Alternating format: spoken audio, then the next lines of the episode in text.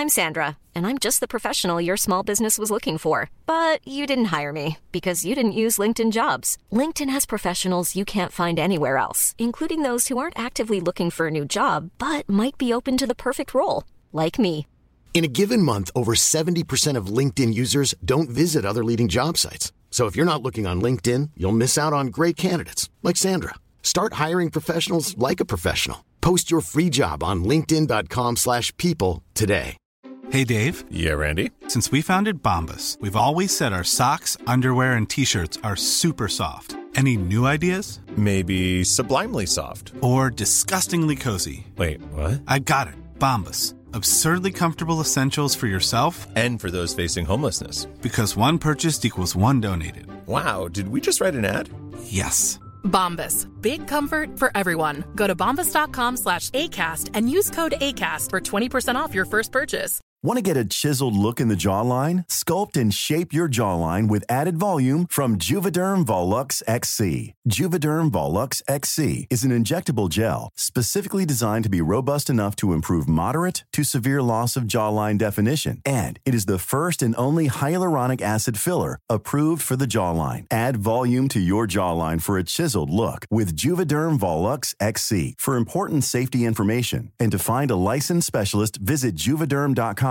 That's J U V E D E R M.com. Not for people with severe allergic reactions, allergies to lidocaine, or the proteins used in Juvederm. Common side effects include injection site redness, swelling, pain, tenderness, firmness, lumps, bumps, bruising, discoloration, or itching. There's a risk of unintentional injection into a blood vessel, which can cause vision abnormalities, blindness, stroke, temporary scabs, or scarring. Talk to a licensed specialist to find out if it's right for you. Visit juvederm.com. That's J U V E D E R M.com.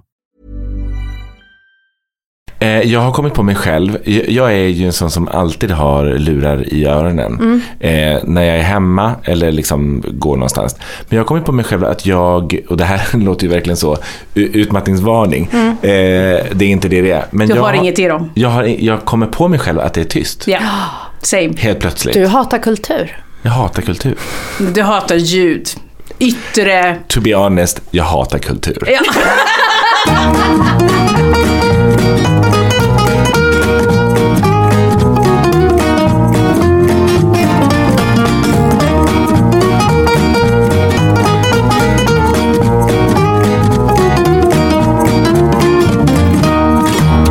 Hej och välkomna till Kulturråden. Välkomna. Vad fint att se er igen. Detsamma. detsamma. Nu är vi tillbaka, vi har doktorshatten på oss, eh, vi har Fjäderpennan är framme. fjäderpennan är framme och vi... Känner mig helt plötsligt osäker. Var det någonting jag skulle tagit med mig? Jag tittade på mig som att jag visste inte om det är det jag har på mig. Exakt, det kan man tro. Men nu är vi tillbaka i Ja. våran studio. Hur har veckan varit? Bra. Jag har kört igång ett eh, Marvel-maraton igen. Jag ser Ja. om alla filmerna och serierna i kronologisk ordning en gång till. Var är du i ordningen nu då? Jag har precis sett eh, Avengers. Så att eh, några filmer in men mycket, mycket kvar. Du har mycket jobb plågat igenom. Iron Man. Ja, fy fan vad tråkig den är alltså. Sämsta superhjälten. Hatar Iron Man. Cecilia? Ser ni mina döda ögon? Ja, absolut. Eh, jag har inte sett ett enda... Ni måste förstå att jag avskyr eh, sci-fi och eh, eh, vad de där nu går under för kategorier. Jag tycker det är hemskt. Så att jag, jag har inte sett något, något av det. Eh, jag har ju då grottat ner mig i alla olika reality-såpor. Det är ju det som är mitt kall. Ja, det här har ju verkligen varit eh, Vanderpump Rules-vårsommaren. Verkligen. Ni pratar med en som nu sett. har doktorerat Ah. i Vanderpump Rules. Jag ska inte gå in på det, men jag kan allt. Får jag fråga en sak? Gärna. Alltså, för att med Vanderpump Rules så får jag känslan av att det är lite som, N- ni vet när alla plötsligt fick typ the memo om vart de ska resa den sommaren och plötsligt åker alla till exakt samma ställe. Alla bara, Bilbao är det Ja, som händer exakt. i sommar. Tulum! Eh, Hej, i år är det Grekland verkar det som. I didn't get the memo. Ingen ringde mig och sa att det var dit man skulle. Men Vanderpump Rules känns som att det också var en sån här, vart fick Ja. du memot? Eh, TikTok. Ja. Och med det sagt så tänker ni, Kulturråden, vad är det för någonting? Jag, jag brukar säga, eh, jag brukar inte säga, jag har bestämt helt enkelt att vi är era så kallade kulturpsykologer. Oj. Jävlar. Ja, ja, ja, jag ja, ja, jag, som- vet, men jag, jag tvekar aldrig att dra med stora Stor hatt. Det passar. Eh, jag heter Cecilia Sahed Gustafsson. Jag heter Soraya Hashim. Och jag heter Palmen Lydebrandt. Vi har ju fått in en uh, lyssnarfråga. Ja. Jag tänker att jag kastar mig in. Gör det. Ska vi säga vart den här personen har hört av sig också? Om någon annan har en fråga och vill ha svar på den. Ja, Kulturraden at gmail.com. nu kör vi. Let's go. Let's go.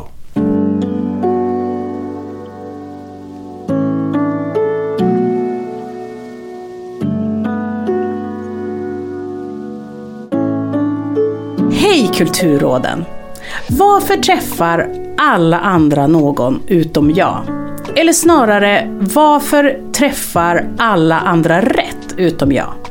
Det känns som att alla andra var på ett möte som jag missade där de fick ett nyckel till en låst dörr och där bakom fanns det ett liv där de träffar en partner, de flyttar ihop, de reser tillsammans och ska till landet till helgen. Och sen skaffar de en hund och så, eller barn och så lever de lyckliga i resten av sina dagar. Jag träffar också killar, men det blir aldrig rätt. Jag kommer aldrig längre än några månaders dejtande innan det tar slut. Jag vill ha allt det där som mina kompisar har, men jag mår inte bra av att längta så här. Jag vill inte vara avundsjuk och missunnsam, men jag är det. Hjälp mig sluta tänka att snart kommer den stora kärleken. Tack från Linnea. Linnea, min vän. Jag vill inleda med att påminna dig om en statistik. Sexigt, jag vet. Det är den här, att hälften av alla äktenskap slutar i skilsmässa. Eh, kommer det här från en person som ska gifta sig om en kvart? Det gör det absolut, jajamän. Eh, vill ni ha mer statistik? Ja. Gärna. Jag älskar statistik. Jag med. Ja. I genomsnitt så varar ett äktenskap i 11 år och den vanligaste åldern för skilsmässa är mellan 40 och 44 år. Mm. Den absolut vanligaste orsaken till skilsmässa är dödsfall, det kan inte jag hjälpa. Och det kanske är lite dark. Eh, så vi kommer inte titta så noga på det. Men min poäng är att de här förhållandena som Linnea tittar på när hon säger att, att de har hittat rätt. Det hon jämför sig med kanske inte är så lyckligt och fantastiskt som hon tror. För att bara för att man är tillsammans med någon så betyder det ju såklart inte att det är bra. Och det här vet ju Linnea men hon kanske behöver förstärka den här känslan. Få in lite mer nyanser i sin bild av hur de där andra är och hur de egentligen har det. För här är sanningen. Fasaden har alltid sprickor och det Linnea måste göra det är att kika in genom dem. Eh, ja, de kanske reser ihop, de kanske lägger ut Instagrambilder i långklänning och solglasögon, motljus, jättevackert. Men de bråkar hela tiden. De kanske har världens roligaste fester i sitt perfekta hem med designerprylar. Men den ena vill ligga mer än den andra och känner sig som en slemmig kåtbock. Medan den andra som inte vill ligga känner sig som en otillräcklig nunna. Am I right? Åh oh, gud, so Ja, right. Ja, alltså så här, säg ett perfekt par. Vet ni någon? Men jag... Mm, säg. Kul! För jag vet ett perfekt par också, det är inte mitt förhållande. Nej, det är en kändis. Ja, så jag vet ju inte om det är ett Ja. perfekt par. Men eh, det är... eh, vad heter... Det här börjar bra, Ja. att jag inte vet vad hon heter. Eh, jo men hon, Claire... Nej, Dales. Kate. Eh, eh, hon eh, som alla tror är, är lesbisk, som är blond, som var med i Sagan om ringen. Kate Och- Blanchett. Eh, Kate Blanchett. Ja. Hon är ihop med någon som heter Uptown. vet ja, du vem du menar? Jag vet, jag, jag vet hur han ser ut, jag har inget namn. Han ser ut som en liten gubbe. Ja. Och eh, om man ska vara ytlig, och det tycker jag att man kan vara, det är alltså, who, alltså she's out of his League. Nej men snälla. Andrew Uptown, bild på google, absolut out Nej, of his league. Ja. Out of, ja men du vet. Ja. Otroligt. De har varit ihop länge. Ja. Eh, men framför allt hon, de är så kära i varandra Mm. på ett sätt. Alltså när jag ser dem på så här mingel, men när hon tackar tackade honom att han var liksom, han har visat henne vad kärlek är och det är liksom hennes livskärlek. Om någonting, om det går isär mellan dem, då är det tack och hej för mig. Är det sant? Ja. Är det så pass? Det är så pass, man kan, det, vibrerar liksom genom eh, Men kan inte ni klippen. också känna lite så här, "Ugh, fy fan? Jag Eller? Alltså, eh, jag förstår känslan, men ibland kan man också bara känna med vissa par, kul. Ja, Kul för Ja. er. ja. Jag har ju en sån, alltså jag vet några stycken som är, några stycken, två stycken som är, de är så kära i varandra och de har varit tillsammans länge och de har barn ihop och sättet som de pratar om varandra är med så mycket integritet. De skulle aldrig skoja på den här personens bekostnad inför någon annan. Och det är inte på ett tråkigt sätt för att de är jätteroliga. De berättar gärna roliga historier men, alltså om varandra.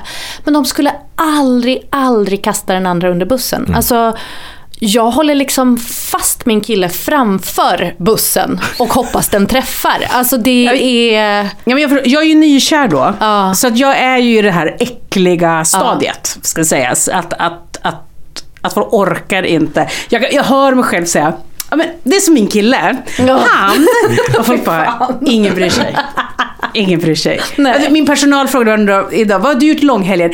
Ingenting, jag ville bara äta god mat, sitta hemma och vara kär med min kille. Alltså. Du vet att det kommer. Nej, det kommer. Det kommer. Jo, men så det jag vill tipsa Linnea om, det är en av mina favoritserier någonsin. Och det här är en serie som jag har återkommit till flera, flera gånger. Det finns bara en säsong, 10 avsnitt på ungefär 45 minuter styck.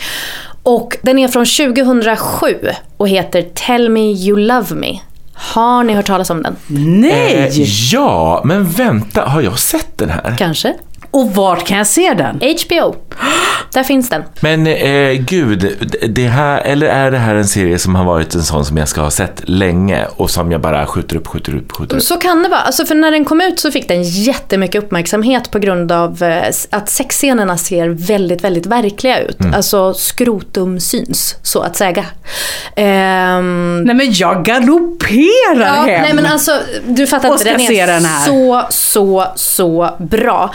Eh, den handlar alltså om tre par som till det yttre ser helt perfekta ut. Det är det unga paret i 20-årsåldern som precis ska gifta sig och de verkar helt galna i varandra. Det är 30-någonting paret som är täta, de bor i ett jättesnyggt designerhus, de ser så världsvana och coola ut och liksom är karriärsfolk. Eh, och så är det paret i 40-årsåldern som har två ungar och de verkar vara helt fantastiska föräldrar och de ser ut som ett totalt sammansvetsat team. De, de är underbara. Men såklart är ju ingenting som det ser ut till det yttre. 20-åringarna har, upptäcker liksom dagen innan deras bröllop att de har helt olika inställningar till framtid och trohet till varandra. Där den ena tycker att, eh, vadå det är väl självklart, gifter vi oss så kommer vi vara trogna mot varandra resten av våra liv och det är du och jag tills vi dör. Medan den andra är lite mer, ja men man vet ju aldrig vad som händer i framtiden. Ja, nej men alltså uppbrott direkt. You think I'm the only guy you're ever gonna want for the rest of your life? Ever? I mean, we're talking 60 years. We're not talking about me. Well, I just think we could start our marriage with being honest about shit. Yeah, well, I don't think I want to start a marriage with someone who's telling me he's going to cheat on me. That's not what I'm saying. Yes, it is. No. Yeah, it is. No, you're not saying it, but that's what you're saying. Oh, well, this is fucked up. I. Why didn't you tell me this before now? I mean, we've talked about everything, right? We've talked about our kids, our future, who we want to be, what kind of fucking pots and pans we want to buy, but you don't tell me that you don't plan to be monogamous? Fuck you! 30-åringarna, de har kämpat med att få barn i ett år vilket ju gör att eh, sexeriet är ju jätteångestfyllt och man börjar liksom skuldbelägga varandra för saker och så. Och 40-åringarna har eh, slutat ligga. Det känns som en, en, eh, en saga ur verkligheten så Det att säga. är ett par sagor ur verkligheten. Alla de här paren går också till samma parterapeut. Det är en kvinna i pensionsåldern vars förhållande man också får lära känna. Och även där finns saker att gräva i. För visst fanns det en annan man i bilden innan hon gifte sig med sin nuvarande man? Och vad händer när han dyker upp igen? Alltså det är, det är så, jag, ursäkta, jag ger mig själv rysningar just nu för att jag tycker att det är så bra. Eh, när det då börjar nystas i de här olika problemen så kommer ju såklart en massa annat fram som det gör när man går i parterapi. För det handlar ju aldrig om grund, liksom problemet man går dit med. Det är ju bara en massa annat där bakom som man måste få fram. Så det handlar ju inte bara om att ett par inte har sex utan det är ju massa annat ihopkopplat med det. Känslor av otillräcklighet eller att inte bli sedd eller att bli tagen för given. Och jag tycker att känslan det påminner om, som den här serien påminner om, är inte bara att inget förhållande är perfekt utan att ingenting blir bättre av ett förhållande i sig. Alltså att ett förhållande någonstans är något som bara läggs på det vi redan har. Ah, Förstår ni? det finns så många som behöver höra exakt det. Ja. Jag vet inte om Linnea är en av dem. Men eh, eh, fortsätt. Nej, men jag tyckte det var underbart att få höra. Fortsätt. Kan du inte säga Ja. den meningen igen? Ja, säg jag känner att jag gång vill höra det. Ta in det Cecilia. Jag vill ta in det ordentligt. Inget blir bättre av ett förhållande i sig. Ett förhållande är bara någonting som läggs på det vi redan har. Ja. Nej men är jag profet? ja, men du är profet. Sjukt. Jag vet inte, för mig i alla fall har det alltid varit så att så här, ja, men, all skit jag bär i min ryggsäck, det förstoras och blir ännu mer när jag går in i en relation och behöver stöta och blöta mot någon annan. Och alla bär vi ju på skit någonstans. Man får ju syn på det på ett mycket bättre, på ett bättre sätt. Eller det blir så mycket tydligare för Mm. att man, har ju ing, man kan ju inte gömma det. Nej men precis. Ens Så- fulaste sidor kommer ju fram i en relation. Ja, och de blir ju inte bättre av att man går in i en relation Nej. särskilt ofta utan, eh, utan friktion i alla fall. Alltså utan bråk och utan terapi och utan liksom en jäkla massa tjafs så blir ju inte de sidorna bättre direkt. Den här serien är så fin och innerlig och man kommer så himla nära de här personerna. Inte bara på grund av skrotum utan också liksom hur den är skriven, spelad och filmad. Det är handhållna kameror. Men, men det funkar väldigt bra i den här. Det känns liksom inte handhållna kameror utan ja, det, det känns fint. Och det är inte så mycket musik i den heller. Så att du blir inte skriven på näsan om hur du ska känna. Det kommer liksom inte in en stråke sådär. Plus att den har min älsklingsgrej när en film eller serie handlar om väldigt många olika människor som egentligen inte hör ihop med varandra. När de liksom råkar mötas på gatan. Ja, jag vet precis. Det är så mysigt. Man bara, ah, jaha, de var alltså kusiner. Exakt. Är det så här, ah, ja, ja, hon jobbade på 7-Eleven där den här karaktären går och köper kaffe. Det händer hela tiden. Älskar här. det. det är så mysigt, så mysigt. Vi pratade ju lite i förra avsnittet om hur eh, man kommer tillbaka till viss kultur. Och det här är verkligen en sån för mig. Den slår mig lika hårt varje gång men bara på olika platser i kroppen. Om ni förstår vad jag menar. Det beror på vad jag är i mitt liv. Absolut. Och då undrar ni då, så här, men vilka är människorna bakom den här fantastiska serien? Det gör det va? Ja, visst. Ja, Terapeuten spelas av Jane Alexander. Jag ska visa er bild så får ni se om ni känner igen henne. Ja, men varför? Hon har bland annat varit med i Kramer vs Kramer. Som ju också är en film man kan se för att uppnå precis det här jag pratar om. vårdnadstvisten. Mhm. Det är liksom den heliga graalen av filmer när det handlar om vårdnadstvist. Gud ja. Hon var även med i Alla presidentens män. Eh, alltså filmen om Alltså jag Watergate-skandalerna. har inte sett någonting. det, Den tror jag inte att jag har sett. Nej. Den ska vi tala om. Vi får hoppas att vi får en fråga där den passar för den är fantastisk. I digress. Vi går tillbaka till skådespelaren Jane Alexander. Hon är alltså fyrfaldigt Oscarsnominerad. Och i Tell Me You Love Me så ligger hon lika friskt och glatt som de yngre paren i serien. Och det, jag tänker att det är någonting viktigt med det också. Ehm, det är ändå känslan av att tid finns. Det här är liksom inte över än. Livet är förhoppningsvis långt. Inshallah så liksom kan Linnea ha, ha mycket tid att ligga med diverse olika och hitta den personen hon ska vara med. Eller dem. Utöver Jane Alexander så är Adam Scott med. Och det här var ju liksom ganska tidigt i hans karriär. Ja, ja, det här var ju ja. innan han var känd. Så det är lite skroten på honom med om man är sugen. Alla skådespelarinsatser i den här serien är topp, topp, topp, topp, topp. Det är så bra. Och det viktigaste är att Linnea någonstans i sig känner, trots att hon redan vet, att ett förhållande inte är svar på så himla mycket egentligen. Människor är fortfarande brutna fast de är ihop med någon. Och frågan är om hon efter Tell Me You Love Me inte ska dyka ner i någonting som handlar om alla de där människorna som är svinbra på att göra olika saker. För att det liksom är där de har fokuserat all sin tid och inte på en partner. För säg en sämre make eller pappa än alla de som skildras i Chef's Table till exempel. Åh, jag vet precis vad du menar. Nej, inte Berätta. Ja, men de har inte lagt någon tid på att dalta med någon jäkla barnuppfostran eller komma hem i tid och fråga hur deras partner mår. Eller liksom, de är ju fullt upptagna med att uppfinna någon rök som får fisk att smaka som körsbär typ. Alltså de har men inte vi tid. pratar, nej, vi pratar att plocka liksom små blomblad, eh, du vet, i, i timmar. Det finns ingen tid. Det är ingen jävla Va? hämtning på Nej, men förskolan. Snälla rara. De bor ju i samma land. Åh, alltså jag känner vilken jävla vinstlott de, de eh, kockarna har dragit. Va? Ja. Tänk dig att ha någon som bara krattar manegen där hemma.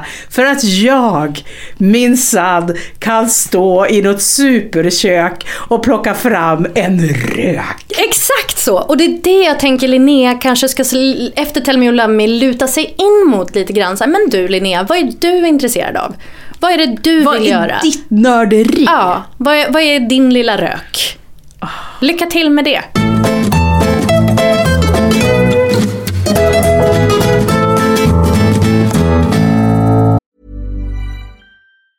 Planning for your next trip? Elevate your travel style with Quince. Quince has all the jet setting essentials you'll want for your next getaway, like European linen, premium luggage options, buttery soft Italian leather bags, and so much more. And it's all priced at 50 to 80% less than similar brands. Plus, Quince only works with factories that use safe and ethical manufacturing practices. Pack your bags with high-quality essentials you'll be wearing for vacations to come with Quince. Go to quince.com slash trip for free shipping and 365-day returns. I'm Sandra, and I'm just the professional your small business was looking for. But you didn't hire me because you didn't use LinkedIn jobs. LinkedIn has professionals you can't find anywhere else, including those who aren't actively looking for a new job but might be open to the perfect role, like me.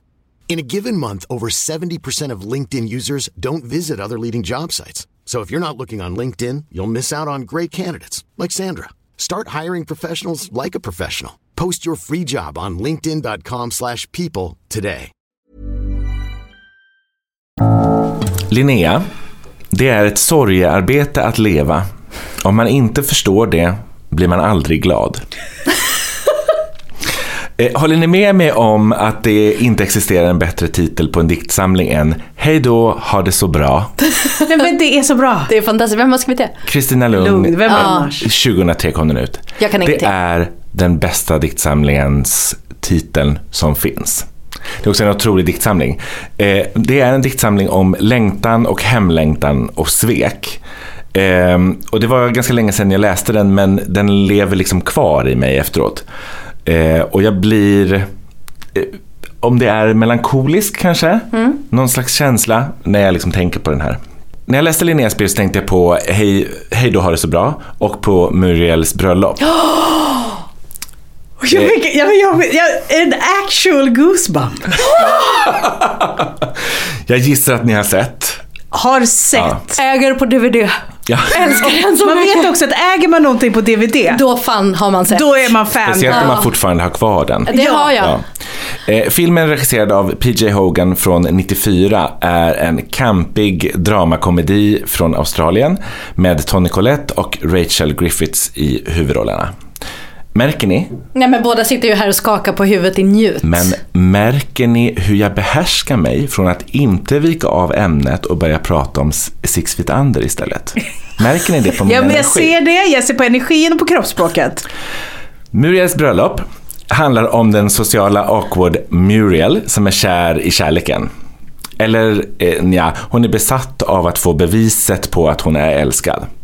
Eller hennes allra högsta och enda önskan är att få gifta sig, att bli vald. Så ja, att bli älskad.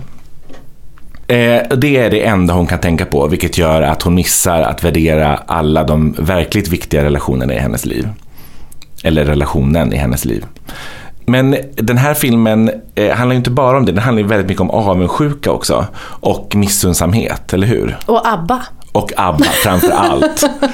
The camp is on. Ja, men jag tänkte väldigt mycket på just eh, att det är en bra film att se för att stävja kanske sin är stävja rätt ord? Ja, Ja, Hålla det är det. tillbaka. Ja. Det är det. Med avundsjukan och missunnsamheten mot eh, de vänner som du har, som du liksom är lite avundsjuk på. Låt mig citera en annan dikt. En väldigt superciterad. Alla dessa dagar som kom och gick, inte visste jag att det var livet.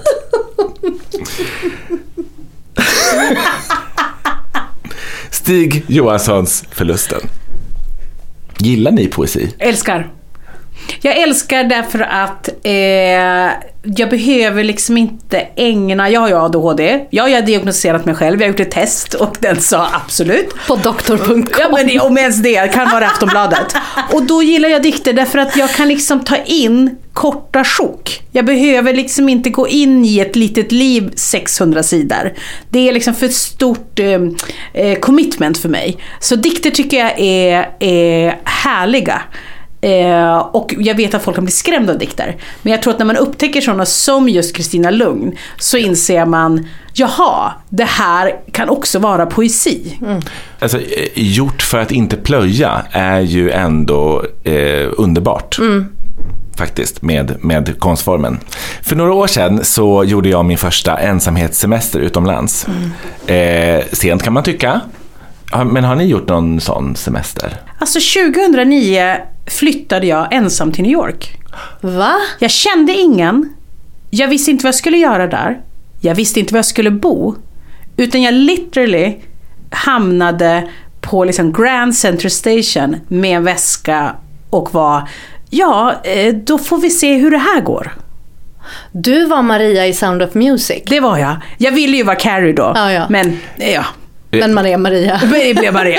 Vill man eh, så kan man också tänka att du var Helena Bergström i Under solen. Men hon visste ju va- va- vart hon skulle Ja. jobba. Men, men hon hamnade på en station med sin väska och bussen åker. Ja. Kommer vi hitta en anledning att nämna Helena i alla våra avsnitt? Så kan det Den vara. som Ja. lyssnar får se. Så ja, jag har verkligen åkt på en så kallad ensamsemester. Jag har gjort det i kris. Alltså åka på charter ensam en vecka. Men då är det ju liksom väldigt tryggt allting. För att det finns, du vet vart du ska bo, du vet vart du ska vara. Och vill du ta ett litet steg utanför stigen så kan du göra det och det är inte så farligt. Jag hade precis intervjuat Mona Salin innan jag gjorde detta.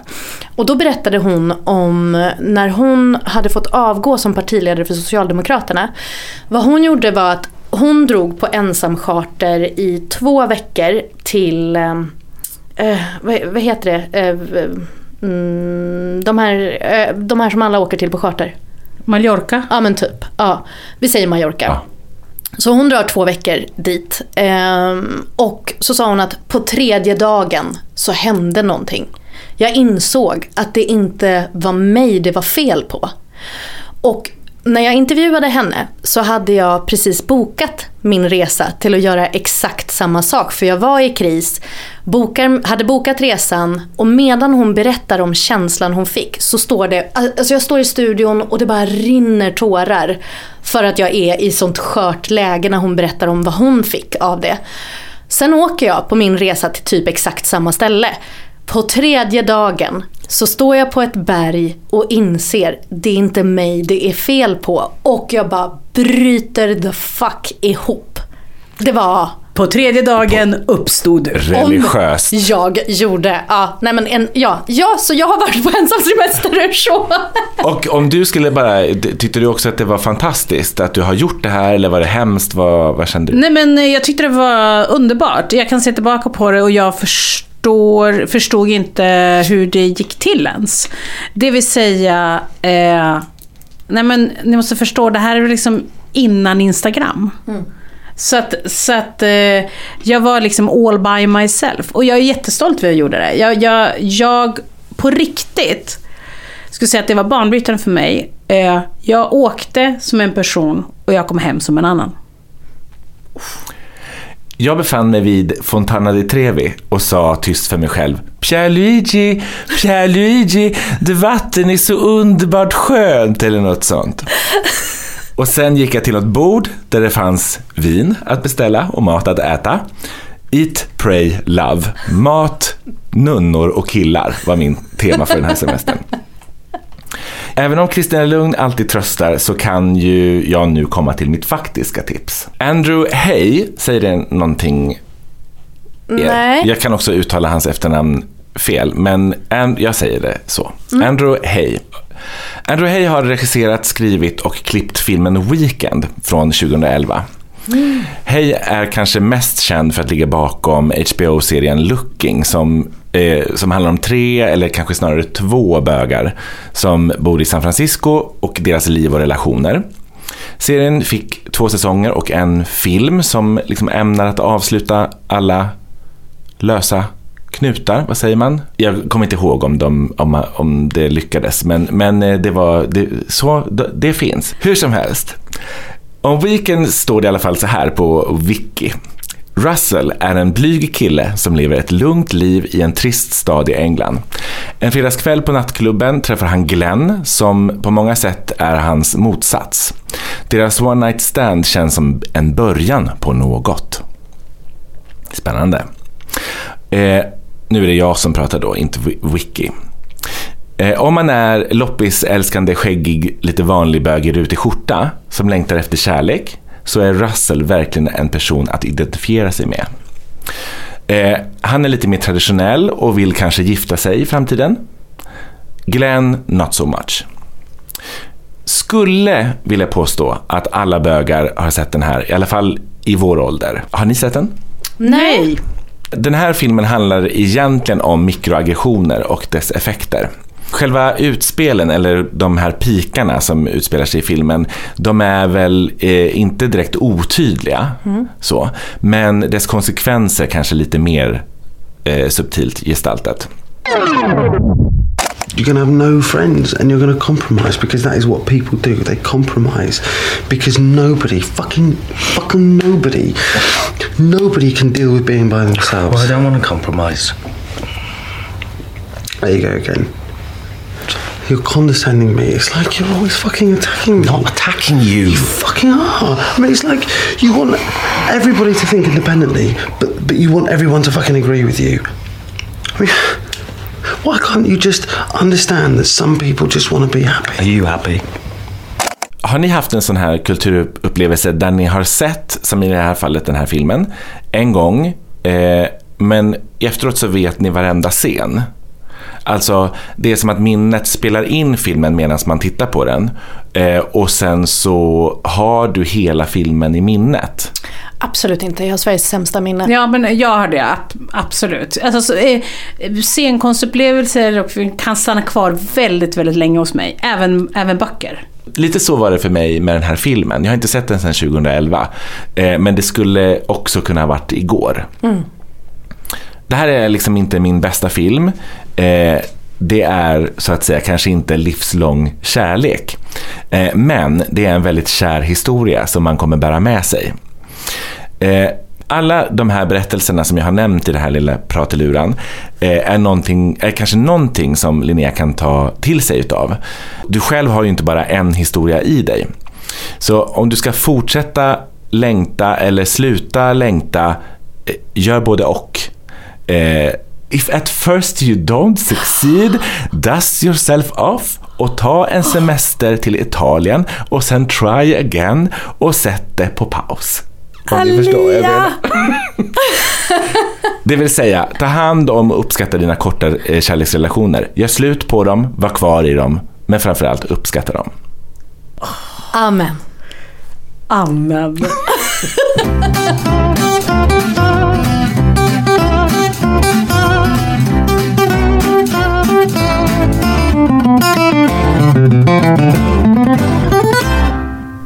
Jag vill börja med att säga att jag känner igen mig så mycket i dig.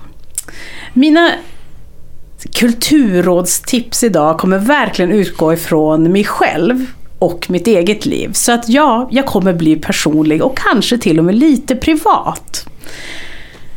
När jag var 32 år gammal så fick jag min första pojkvän. Eh, det vill säga att jag gick högstadiet, gymnasiet och hela min mellan 20 och 30 singel. Jag var extremt avundsjuk och jag var extremt missunnsam. Det var som att jag hade hittat på att det fanns en skål lycka. Och ju mer folk skopade ur den där skålen, desto mindre skulle det bli kvar för mig. Jag till slut bestämde mig för att gå i terapi. Så en dag så ringde jag en psykolog som jag hade hittat i telefonboken. Och ringde och grät. Eh, och jag minns att psykologen frågade mig, men vad är det du känner att du behöver hjälp med? Och då sa jag till slut, jag har ingen pojkvän. Jag tänkte att man kanske inte kan eh, gå i terapi för att man inte har någon pojkvän. Men jag tänkte att någonstans måste jag börja. Och det vi på något sätt började grotta i var känslan av missunnsamhet och avundsjuka. För att den känslan kan äta upp en tills man inte finns någonting kvar. Den känslan kan göra en helt svart inombords tills man liksom inte kan glädjas ens med sina närmaste vänner. Efter några år av terapi, eh, ja, jag säger år, för det, tog, det var ett långt arbete, så hände just det där som jag eh, pratade om tidigare. Jag packade min väska, Phil med reste till New York. Ja, som ni förstår så reste jag och ville leva det här Sex and the City-livet. Sex and the City var fortfarande på tapeten, eh, fast det hade gått avslutats. Men det var ju ändå, man ville leva livet. Mm. Så att jag eh, hamnade i New York. Eh, jag kände ingen, jag hade ingen uppgift. Eh, jag visste inte vad det skulle bli. Men på något sätt löste allt det här sig. Och jag bestämde mig för att skriva en föreställning som hette If you build it he will come. Ja.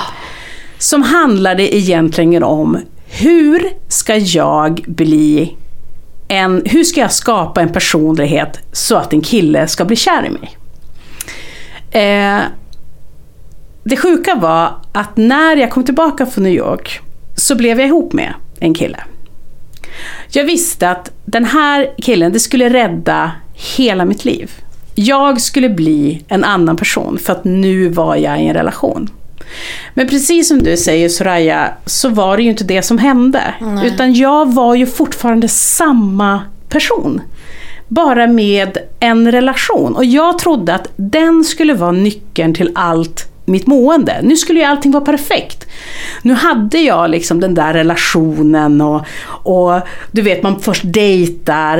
Eh, det gick väldigt fort från särbo till sambo. Och jag hör när Linnea skriver om att jag drömmer också om det där om landet, om att åka på semester ihop. Men det man ska veta är att vardagen kommer fort. Och precis som du pratade om Soraya, så att det blir ganska snabbt väldigt icke-romantiskt. Mm. Ganska snabbt så hamnar du i en logistikkarusell. Och den där logistikkarusellen handlar om vem ska laga mat? Vem ska handla? När ska vi städa? Och den där romantiken, den kommer väldigt ofta i andra hand. Eh, ingen skugga ska falla på mitt ex. Jag hade sju ljuvliga år med honom. Tills vi valde att skiljas. När jag kom ut på andra sidan så drabbades jag av en total ångest som handlade om jag är på ruta ett igen. Detta, Linnea, är den största lögnen som man kan råka ut för. När du säger att det blir aldrig mer än några månader och sen är jag tillbaka på ruta ett. Det finns inget sånt. Livet är inte linjärt, utan det är bara kapitel som pågår. Det går framåt hela tiden, även om du hamnar på ruta ett. Mm. Det är inte linjärt. Och det där var någonting som när jag förstod att sådär, nej just det, jag är inte samma person bara för att eh, du vet, jag gjort slut. Jag är inte samma person som jag var för sju år sedan. Jag är liksom en annan person. För att den här, eh, även om en person bara var inne i några månader så har den ändå påverkat mig och jag har blivit någon annan.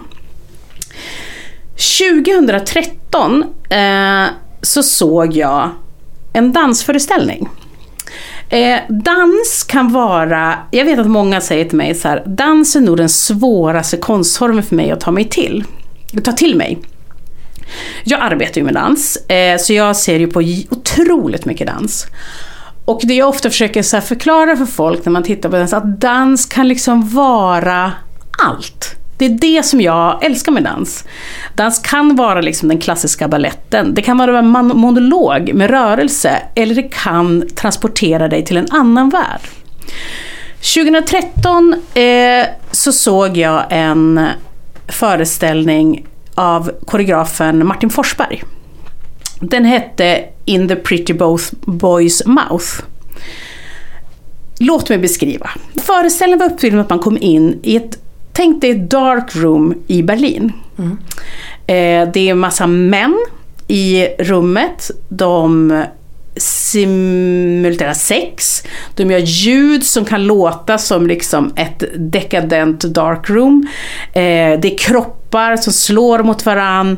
Det är eh, pulserande musik. Man kan inte veta vilken tid på dygnet det är. Det är som att du är i en mörk källare. I mitten så står det en, lite som en flygplansmotor, om ni tänker er, som det rinner glidmedel ur.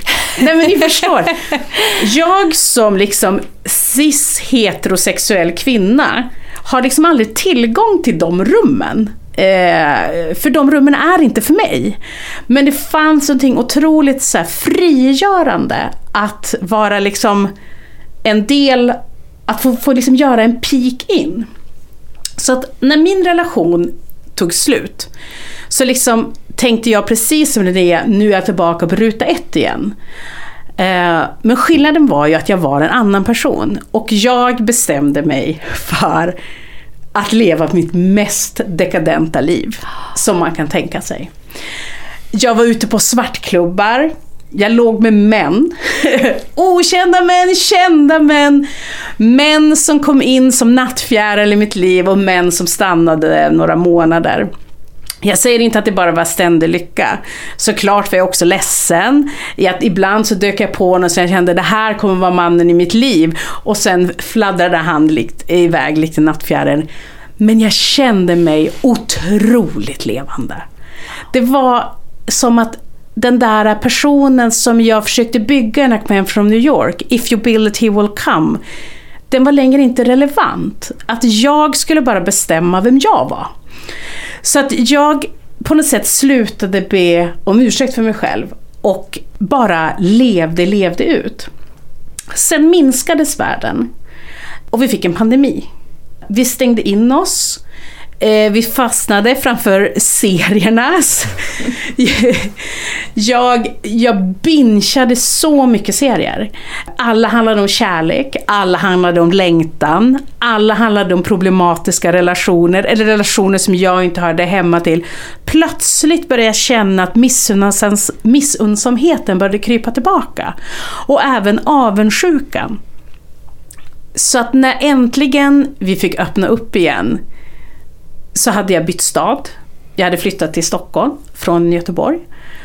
Och jag tänkte, nu får jag liksom inte hamna i det här igen. Utan så här, jag hörde så här, min, min, min psykologs terapiord. Hon sa en, en gång om vår session som var det värsta hon sa till mig. Och det var att jag liksom hamnade, nu kommer det bli jätteprivat, men jag hamnade verkligen i en eh, panikångestattack hos min psykolog. Mm. För hon sa, Cecilia, jag vill att du ska tänka på vad skulle det hända om du aldrig någonsin träffade någon? Du kommer leva ditt liv ensam hela ditt liv. Och det var liksom det värsta jag har fått uppleva. Det jag verkligen bröt ihop och liksom fick en panikångestattack av det. Men sen på något sätt när jag kom ut på andra sidan så förstod jag att liksom när, liksom, du vet, när jag lugnade ner mig och typ drack lite vatten och slutade snörvla så kom jag att jag tänkte så här men det är faktiskt inte hela världen. det är faktiskt inte heller. Jag började titta på så, vad har jag annat i mitt liv? Jag har vänner, jag har ett rikt kulturliv, jag upplever saker hela tiden. Eh, jag har möjligheten att fly till andra världar genom föreställningar, genom serier. Och jag kan fortfarande ha ett jätterikt liv. Den där relationen är på något sätt bara ett add-on. Den kommer inte förändra mig i grunden. Så när vi öppnade upp igen så var jag tillbaka på den liksom dekadenta platsen. Och det var så härligt med, med Corona för att, eh, det var inte härligt med Corona ska jag säga, men det var härligt när vi öppnade upp. Därför att alla hade varit med om samma sak. Ja. Förstår du? Det var inte bara jag som satt hemma och mådde dåligt en fredag och tittade på sociala medier att alla var på de här härliga festerna eller de här underbara bilderna. Alla satt hemma och mådde piss. Det var en ljuvlig tid för mig. att jag verkligen inte var ensam. Och vet du om en sak Linnea? What a time to be alive, som folk sa. Att vara singel utan barn när coronan slog till. Du som Nej. har barn kan inflika med det var testing times. Det var testing fucking times, det var det. Alltså jag fick ju barn precis innan corona slog. Ja. Så det var ju underbart på det sättet att liksom ingen annan gjorde något kul. Jag hade ju ingen FOMO. Alltså jag var ju så rädd för att jag ska sitta där och scrolla på Instagram så sitter alla på någon uteservering med något krispigt vitt glas i, eller glasvitt i solen och så ska inte jag få göra det och så sitter jag hemma med någon snorig unge. Men ingen gjorde något kul. Nej! Alla var uttråkade. Och sen kom ni ut igen. Och det var inte bra för mig. Nej men när vi kom ut Nej men det var darkroomsen i Berlin som kom tillbaka. Nej men vi var in the pretty boys mouth igen. Och det var liksom så härligt att på något sätt bara så här få leva ut. Alla var som på, på grönbete. Det var ingen som ville ha en relation Linnea. Ingen ville ha en relation. Nej! Nej men alltså vi ville sprida vidare. Alltså det är ju superklamydian skapade säkert då. För Säd skulle Ja, men spridas. säd skulle spridas till varje pris. Och sen häromdagen, eh, tio år senare från eh, Martin Forsbergs verk eh, In the pretty boy's mouth, så är jag på dans igen. Den här gången är jag på föreställningen The Heart av Marie Carrasco. Låt mig också här berätta settingen. Vi kommer in i ett stort rum.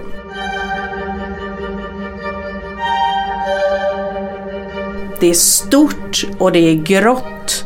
Enormt som en hall, tänker det. Det är dov ljudsättning, det är dimma.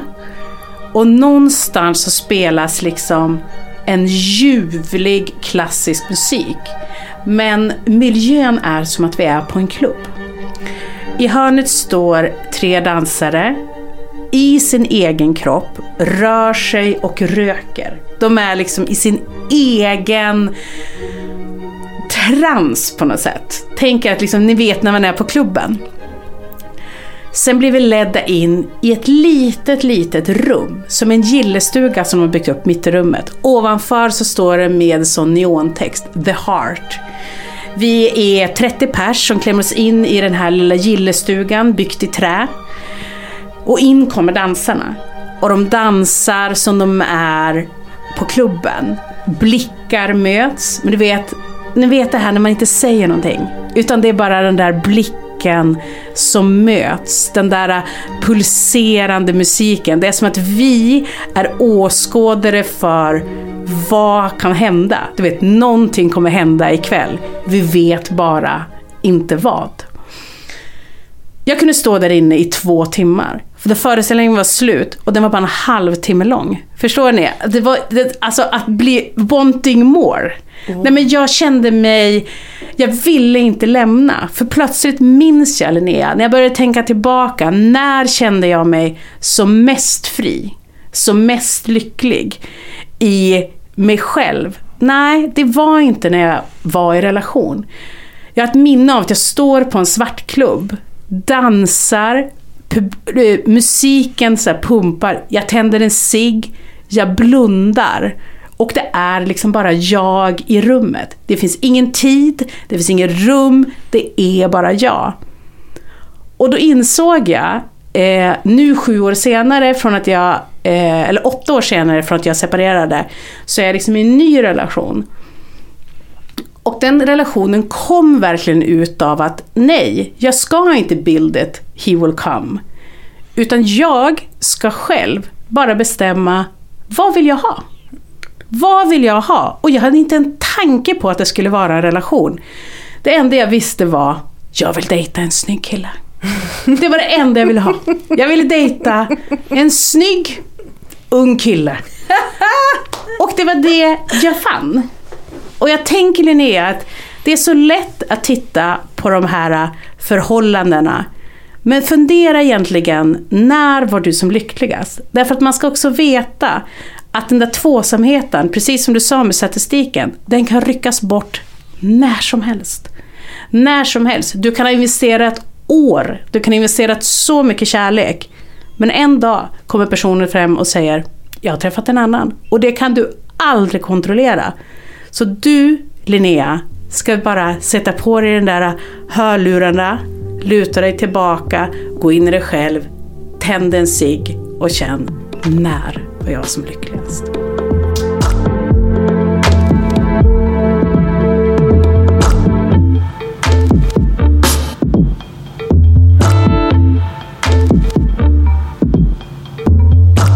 Innan vi avrundar, ska vi köra mm, veckans otips? Ja! Ja, har ni något? Ja, jag vill ta veckans otips. Eh, Ta det. Ja, okej, tack. Eh, veckans otips är eh, filmen Blade Runner. Oj! Som vanligt, inte sett. Nej, Du menar, det behöver du inte. du menar den första gissar jag? Jag menar den första och den andra, vi kan slänga med den också. Jag har lärt mig detta den hårda vägen. Filmer som alla säger det här är den viktigaste, mest fantastiska och den är otrolig och det är det bästa som har gjorts någonsin. De behöver man inte se om de var gjorda för länge sedan. För att de håller aldrig måttet i nutid. Alltså det finns inte. Man kan få en förståelse för att så här, aha, allting som kom efter hade sina rötter i det här. Jag ser det, men det är inte bra. Egentligen så vill jag ju slänga med original Star Wars i det här också. Men får Men jag... nu backar vi. tycker Nej! jag vet, det är så provocerande. Folk blir så arga när Ja, jag får säger jag också köra lite? Ja. Att det känns också som att när det är killar, eh, verkligen, alltså det pratar jag verkligen så här, eh, gärna cis-killar som berättar att det här är den bästa, viktigaste filmen någonsin ska se. Det är Allt aldrig är det. tråkigt. Det är jag, jag, jag har inte det. sett, jag har ju bara sett, eh, du vet, eh, Star Wars sporadiskt. Och jag tycker att det är oklart. Mm. Under pandemin så gjorde jag ju Star Wars. Då var det som att jag bara, okej, nu kör vi. Igen, jag fattar. Jag förstår liksom intellektuellt vad det här har lett till. Vad det betydde när det kom. Det betyder inte att det håller idag. Oj. Det betyder inte att det är bra med dagens mått. Och nu kommer jag alltså bli hängd på torget. Ja, det är brandfacklan. Jag, jag fattar. Rätt in! Varsågoda. Men vad hade du förra veckan? Pink Floyd. Ja. Min Men- kille var redo att göra slut när han hörde det. Men eh, får man, eh, jag vet inte riktigt, har vi ett veto under en säsong? Ta Det tänker jag. Jag tror inte att jag kommer ta det här, eh, men jag funderar på det. För jag älskar inte Star Wars, men jag, eh, har- eh, hur säger man? Eh, Du brinner för att den ska finnas. hur säger man till barn som, när de ska äta mat? Om de inte, jag älskar inte det, eh, jag tycker mindre om. Eh, jag älskar inte vad du sa, men jag kommer inte ställa mig eh, och protestera emot. Ja. Jag kommer vara mest så, det här är, en, det här är inte min fight. Det här är inte den kullen du kommer dö på så att nej, säga. nej. Det är inte kullen jag kommer dö på heller, inte Star Wars. För jag förstår att liksom, jag kommer bli halshuggen och ingen kommer lyssna på den här podden igen. För nu kommer vi bli, bli avskrivna som att vi inte kan någonting. Men, den, ser man den för första gången nu med allting man har sett i ryggen. Så är det inte så himla bra. Man behöver ha kontexten, vad den gav då. Ja, och kanske att man behövde vara lite yngre när man såg den första gången. På samma sätt som att liksom världens objektivt bästa film är Femte elementet. Men skulle man se den idag för första gången? Är den det då? Ja. Multipass. Lillo Multipass. Jag svarar multipass på den frågan.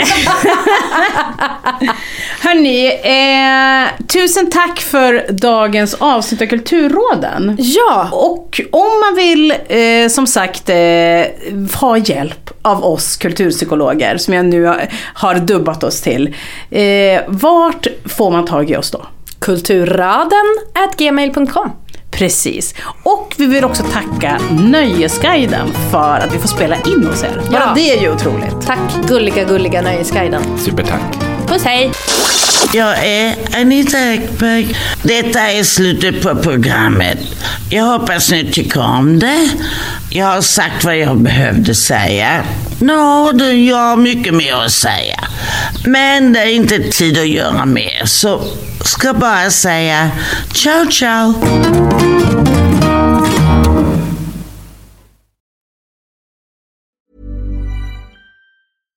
How would you like to look five years younger? In a clinical study, people that had volume added with Juvederm Voluma XC in the cheeks perceived themselves as looking five years younger at six months after treatment. Look younger, feel like you. Add volume for lift and contour in the cheeks with Juvederm Voluma XC. Reverse signs of aging by adding volume to smooth laugh lines with Juvederm Volure XC. For important safety information and to find a licensed specialist, visit juvederm.com. That's J U V E D E R M.com. Not for people with severe allergic reactions, allergies to lidocaine, or the proteins used in Juvederm. Common side effects include injection site redness, swelling, pain, tenderness, firmness, lumps, bumps, bruising, discoloration, or itching. There's a risk of unintentional injection into a blood vessel, which can cause vision abnormalities, blindness, stroke, temporary scabs, or scarring. Talk to a licensed specialist to find out if it's right for you. Even when we're on a budget, we still deserve nice things. Quince is a place to scoop up stunning high end goods for 50 to 80% less than similar brands. They have buttery soft cashmere sweaters starting at $50, luxurious Italian leather bags, and so much more. Plus, Quince only works with factories that use safe, ethical, and responsible manufacturing. Get the high-end goods you'll love without the high price tag with Quince. Go to quince.com/style for free shipping and 365-day returns.